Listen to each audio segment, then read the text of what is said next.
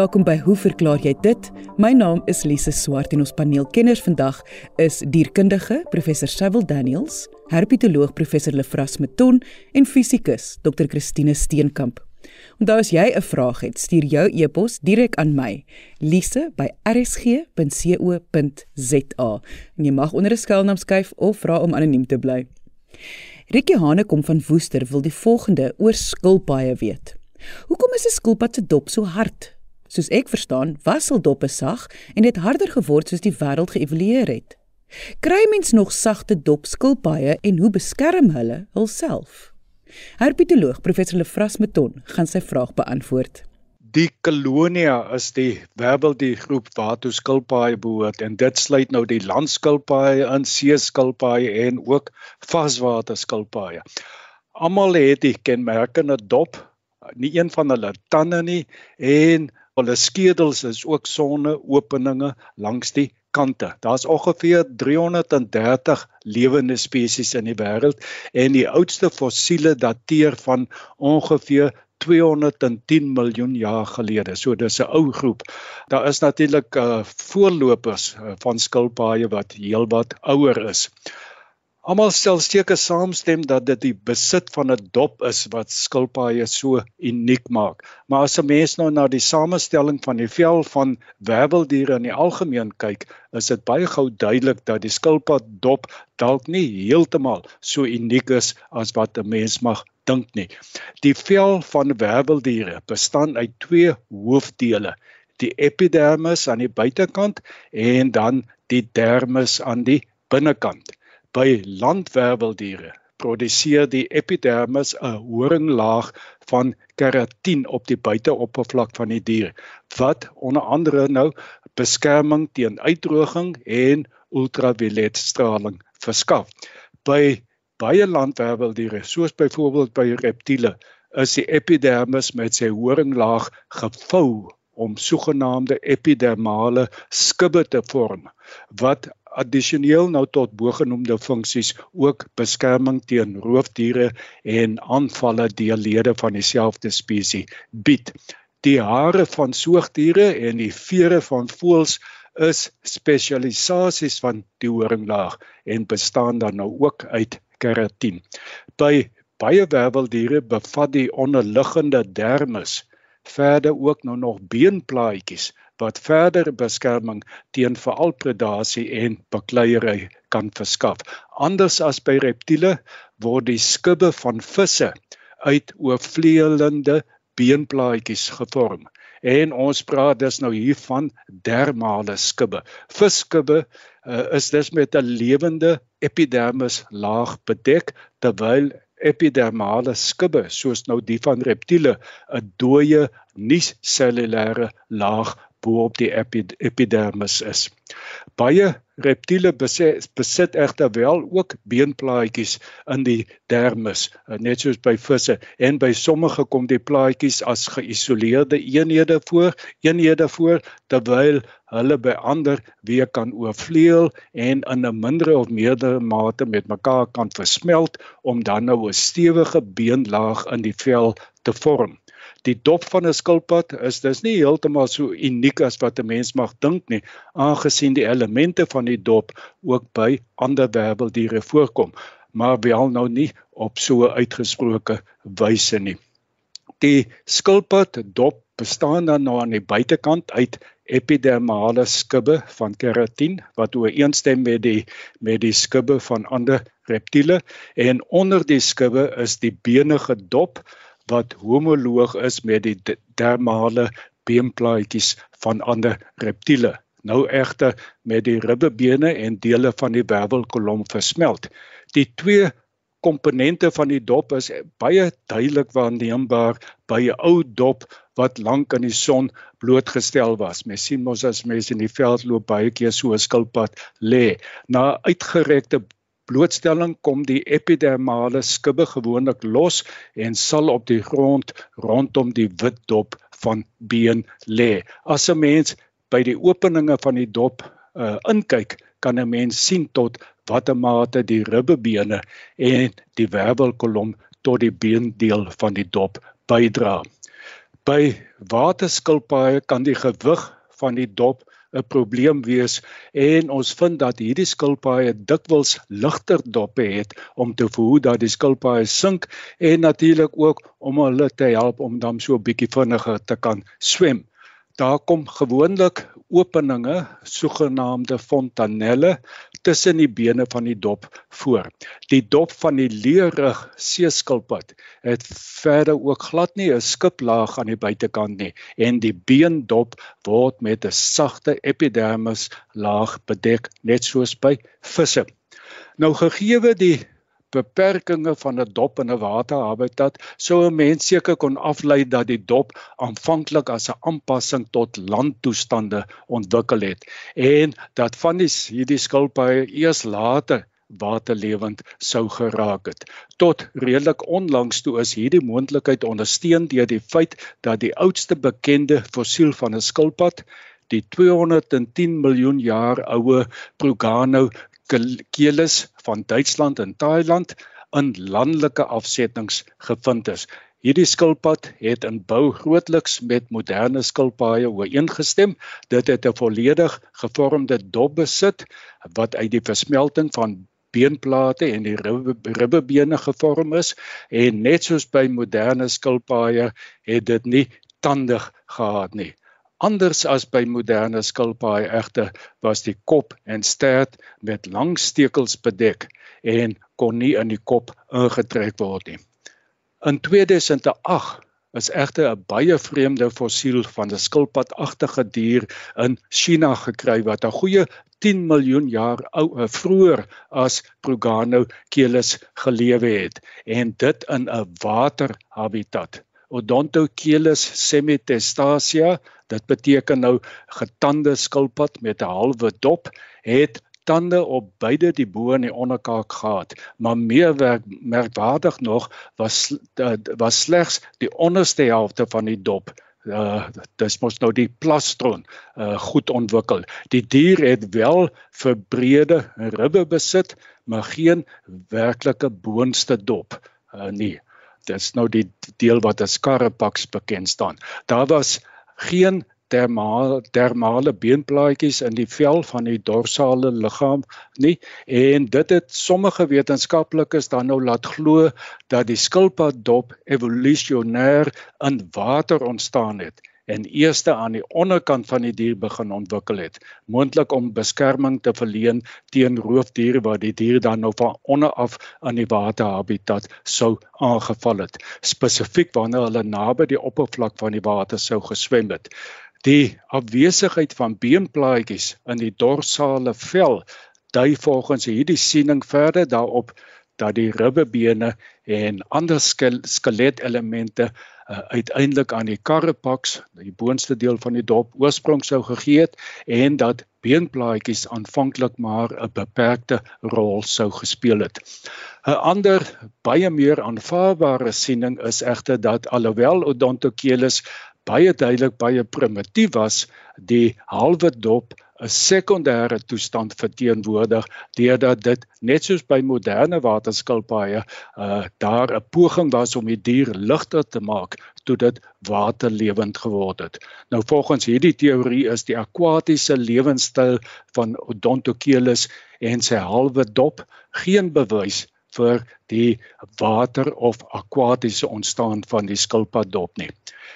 Die oudste bekende fossiel van 'n moontlike voorvader van skilpaaie is die van uh, Eunotosaurus africanus van Suid-Afrika wat so wat 260 miljoen jaar gelede gelewe het. Nou hierdie akedusagtige reptiel het glad nie 'n dop gehad nie, maar wel breë plat ribbes wat wyd na die kante van die dier gestrek het om as mens nou van bo af kyk die dier 'n komieklike bolvormige middellyf te gee. Uh soos Odontocheilus het dit tande gehad en onlangse studies het gevind dat veral die wervels verskeie ooreenkomste met die van moderne skilpaaie toon. Eunotosaurus was 'n landdier en indien die verbreede ribbe inderdaad die begin van die ontwikkeling van die skilpaddop was, dan het hierdie ontwikkeling op land plaasgevind. So om op te som, Rietjie, 'n skilpad se dop is so hard omdat dit uit beide been en harde keratin skubbe bestaan. Dit sou vir beskerming teen roofdiere op land ontwikkel het. Alle aanduidings is dat die verbreding van die ribbebene dalk die eerste stap in die ontwikkeling was. Daar is nie enige sprake dat daar op enige stadium stadium sagte dop skilpaaie voorgekom het nie. Toe van die landskilpaaie sekondêre waterlewend geword het, is die boonste helfte van die dop, dis nou die Carapax, wel gereduseer om die dop ligter te maak. En dit was herpetoloog professor Lefras Meton. Indien jy 'n vraag het, stuur jou e-pos direk aan my, lise@rsg.co.za. Indien jy nie die e-posadres onthou nie, kan jy op RSG se webwerf ook vir my 'n vraag stuur. Gaan net na www.rsg.co.za.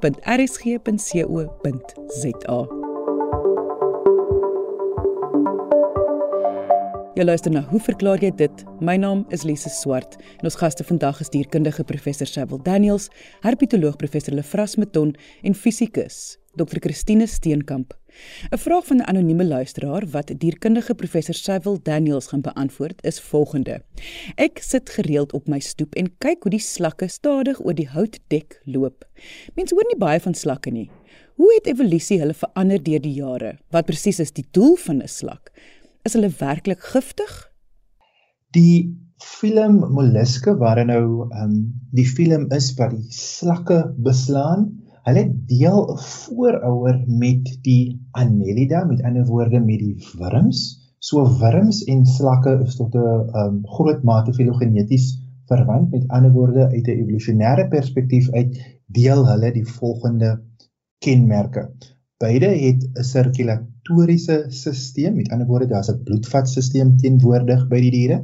Hulle gebruik nefridie om ontslae te raak van 'n um, stikstofbevattende afvalprodukte. 'n Mens moet nou onthou, um alle lewende organismes gaan uh um biochemies produkte sintetiseer, maar hulle gaan ook produkte afbreek en wanneer die produkte dan nou afgebreek word deur middel van kataboliese prosesse moet die diere ontslaa raak van die stikstof bevattende materiaal. So die nefridia is dan nou spesiaal daarvoor aangepas. Beide die annelida, die gesegmenteerde wurms sowel as die slakke, hulle het 'n brein. Ehm um, daar's 'n kompleks verteringsstelsel, goed ontwikkelde sensoriese strukture om lig mee waar te neem en daar is ook gewoonlik kee uh wat gebruik word vir gaswisseling alhoewel daar by baie van die beide die annelida sowel as by die molluske gebruik die diere sommer hulle klankvel om asem te haal omdat hulle gewoonlik redelik naby aan water is of wanneer hulle dan nou uitbeweeg is daar gewoonlik 'n redelike hoeveelheid water in die omgewing 'n mens sien gewoonlik mos net die slakke wanneer dit lekker gereën het nou die molluske Ehm um, spesifiek het soos ek in 'n vorige vraag reeds genoem het, 'n spiervoet, gewoonlik 'n skulp en dan nou 'n radula.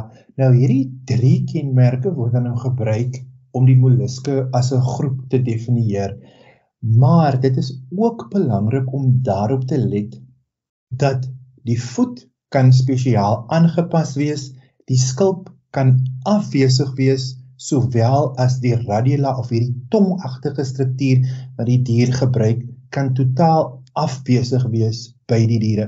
As 'n mens byvoorbeeld dink as dit lekker warm is in die somer en daar 'n bietjie reën geval, sien 'n mens baie hierdie naakte slakke wat um gewoonlik naby die huis of op die paadjies um beweeg. By hierdie diere is daar gewoonlik nie 'n skulp teenwoordig nie. Dan as 'n mens ook dink aan ander forme van molluske waar daar nie 'n skulp teenwoordig is nie, 'n gewone inkvis of by seekatte byvoorbeeld, um, is die skulp totaal afwesig. Nou spesifiek by die seekatte, octopi, by die octopus, is daar ook nie 'n radula teenwoordig nie by hierdie diere. Hierdie diere gewoonlik 'n uh, 'n bek aan die binnekant van hulle mond met twee artikulerende oppervlakte wat werklik lyk soos die bek van 'n voël, um, omdat hierdie diere dan ook predatore is, so hulle gebruik nie 'n radula nie want die radula spesifiek aangepas is om um te dien as 'n meganisme by herbivore om essensieel die blaar of die oppervlak waar die waar die diertjie loop mee um op te breek mee. Nou by die molluske kan die diere 'n paar millimeter groot wees en hulle kan so groot wees soos 18 meter en dit sien ons veral by die seekatte en baie klassieke voorbeeld die Architeuthis um of hierdie groot seekatte wat van tyd tot tyd gewoonlik na 'n storm baie algemeen uh by die kus uh by die Weskus spesifiek um uitspoel. Nou die molluske is daar by die molluske is daar 'n groot hoeveelheid um liggaamsplanne en 'n hele paar klasse. Ek gaan nou net 'n paar van hulle noem. Die A-plakofore, daar's geen skulp. Die monoplakofore, daar's een skulp. Die polyplakofore waarvan die Dinoplax gigas wat ons voorheen na gekyk het, um gewoonlik sewe skulpplate teenwoordig is. Die bivalvia, um hierdie diere is daar twee skulpplate gewoonlik teenwoordig en hierdie is nou die gewone mossels of die kammossels wat 'n mens baie um gereeld in die intergetydpoele kry, skulpe ook baie algemeen by die see. En dan die gastropode wat 'n mens gewoonlik rondom die huis uh, voorkom. By hierdie diere is daar een skulp gewoonlik teenwoordig en die viscerale massa, al die organe, die intestine is gewoonlik binne die skulp en dan die die mees gevorderde groep uh molluske is dan die cephalopode waarvan die inkvisse um en seekatte nou 'n klassieke voorbeeld is. Nou in die A-plakofora, die monoplakofora, die polyplakofora, die bivalvias sowel as die gastropode is die diere oorkoepelend um herbivore met die uitsluiting van die bivalvia. By die bivalvia is die diere net filtreervoeders. Met ander woorde, hierdie diere sit gewoonlik vasgeheg in die intergety as 'n mens nou dink aan 'n gewone mossel wat 'n mens by die see kry, Mytilus edulis of Mytilus galloprovincialis. Um hierdie diere het gewoonlik 'n baartjie waarmee hulle vasgeheg is aan 'n klip en wanneer die gety inkom, filtreer voed hulle gewoonlik. Hulle maak hulle twee skildplate oop en hulle kry alle voedingsstowwe um dan natuurlik uit die waterkolom. By die cephalopode um, is die diere karnivore. Die cephalopode is ook die enigste groep van die molluske wat dan nou 'n geslote bloedvatstelsel het. Nou 'n geslote bloedvatstelsel beteken dat die bloed gedurig binne 'n uh, ek gaan nou sê pype gehou word en dit beteken dat die um, toevoer van bloed na die brein of na die spiere baie vinniger kan gebeur En uiteraard is dit belangrik want die dier is 'n aktiewe predator. Wanneer jy 'n prooi item wil vang, moet jy vinnig kan beweeg. Daar is natuurlik uitsluitsels. In die gastropode is daar een groep by die genus Conus. By hierdie diere lyk die skulp soos 'n uh, 'n uh, um 'n cone um wat mense nou in die in die somer sal geniet. Um hierdie diere is karnivore by hulle het hulle 'n stylus in die mondholte wat hulle kan uitskiet wat neurotoksines bevat en hierdie neurotoksines kan gebruik word om byvoorbeeld 'n klein visie te dood wat hulle dan nou in hulle orale gedeelte kan inneem en kan opvreet. Nou spesifiek in die genus Caunus kan die diere ook um, van tyd tot tyd mense met hierdie pyl impakteer en dit kan lei tot geweldige pyn by mense omdat die neurotoksines nou daar teenswoordig is. Uit 'n ekologiese perspektief uit is slakke redelik belangrik as herbivore en as filtreervoeders vorm hulle die basis van die ekologiese uh, netwerk en hulle is belangrik in die dieet van ander diere soos byvoorbeeld voëls, reptiele, 'n groot verskeidenheid van soogdiere sowel En dan moet 'n mens net onthou dat by hierdie diere met spesifieke verwysing na soogdiere waarvan die mens natuurlik 'n voorbeeld is, is daar baie groot industrieë wat ontstaan rondom hierdie um molluskgroepe. As 'n mens nou sal dan na toe reis en 'n mens baie keer daar in die baai area die blou dromme wat so daar in die see dryf. Nou om hierdie is daar gewoonlik uh mossels wat in die see groei in die waterkolom wat die diere nou natuurlik um filtreer voeders is. Nou dit word beraam dat die bivalvia met ander woorde die industrie wat dan nou um diere verkoop soos mossels en kammossels hulle um jaarlikse opbrengs is ongeveer 20 biljoen Amerikaanse dollar. Dan wanneer 'n mens kyk na ander groepe gastropodes soos byvoorbeeld die perlemoen industrie hierdie um diere word na beraming elke jaar verkoop vir ongeveer 135 miljoen Amerikaanse dollar terwyl die inkvisindustrie um in die algemeen op 'n jaarlikse basis tot 11 biljoen Amerikaanse dollar uh werd is. So uit 'n ekonomiese perspektief is hierdie diere redelik belangrik en natuurlik help hulle ook om werk te verskaf aan 'n groot verskeidenheid um, van industrieë waar mense dan nou betrokke is. En dit was dierkundige professor Sewil Daniels. Volgende is fisikus Dr. Christine Steenkamp aan die woord. Karin van Jaarsveld onthou dat haar wetenskaponderwyser 'n sonsondergang in 'n glas melk verduidelik het. En sy vra hoe dit werk. Hierdie sonsondergang in 'n glas is maklik om na te maak. Neem 'n glas met 'n plat onderkant en maak dit vol skoon water. Voeg nou ongeveer 'n halwe teelepel melk by en roer. Verder het mens nou 'n ligbron nodig wat helder wit lig uitstraal, soos 'n flits, verkieslik een wat 'n straal lig gooi. Hou die flits aan die onderkant van die glas sodat die lig van onder af deur die bodem van die glas inskyn. Jy sal nou sien dat die lig die melkmengsel effens laat gloei en dat die kleur van die melkmengsel naby die onderkant van die glas meer blou-wit lyk en die kleur in die boonste laag van die melkmengsel effens geelerig lyk. Die hoeveelheid melk wat jy moet byvoeg om dit duidelik te sien, hang af van die helderheid van jou flits. Dus kan jy eksperimenteer deur nog 'n paar druppels melk op 'n slag by te voeg. Die blouerige skynsel onder in die glas is dieselfde verskynsel wat maak dat die lug bokant ons blou is op 'n helder sonskyndag. Die geel kleur in die boonste laag in die glas is weer dieselfde verskynsel wat geel, rooi en oranje sonsondergange veroorsaak.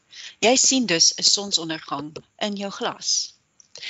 Die verklaring vir die verskynsel is die verstrooiing van lig deur klein deeltjies. In hierdie geval deur die molekules waaruit melk bestaan. In die atmosfeer is daar stofdeeltjies en klein waterdruppeltjies wat dieselfde verstrooiing veroorsaak.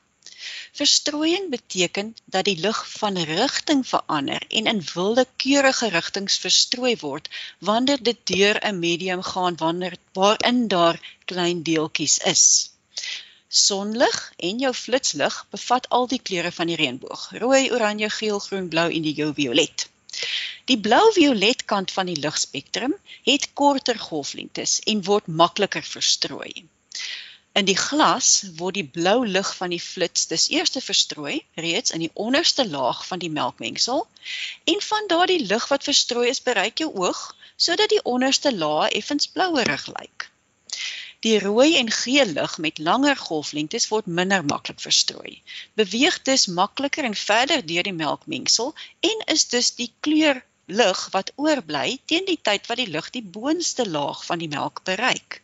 Die boonste laag verstrooi dus lig wat meer geel en rooi lig as blou lig bevat en daarom lyk die boonste laag geelerig. In die atmosfeer is die verduideliking soortgelyk. As ons op 'n mooi weersdag opkyk na die blou lug, dan is die lig wat ons sien natuurlik sonlig wat deur die deeltjies in die atmosfeer verstrooi is. Die blou deel van die sonlig word makliker en meer verstrooi en daarom lyk die lug blou. As die son ondergaan en naby die horison is, dan kom die sonstrale mos amper parallel met die aarde se oppervlak na ons toe. Dit beteken dat daardie sonlig 'n baie lang pad deur die atmosfeer beweeg. Teen die tyd dat die son se strale by 'n mens uitkom, is die meeste van die blou lig reeds verstrooi en bly slegs die geel, oranje, rooi lig oor, sodat die son en die lug in die weste daardie mooi kleure van 'n sonsondergang vertoon. En dit was fisikus Dr. Christine Steenkamp. Ek sê baie dankie aan ons kenners en vraagstellers vandag. Onthou om altyd nuuskierig te bly en vra te vra. Tot volgende week hier op RSG saam met my Lise Swart. Totsiens.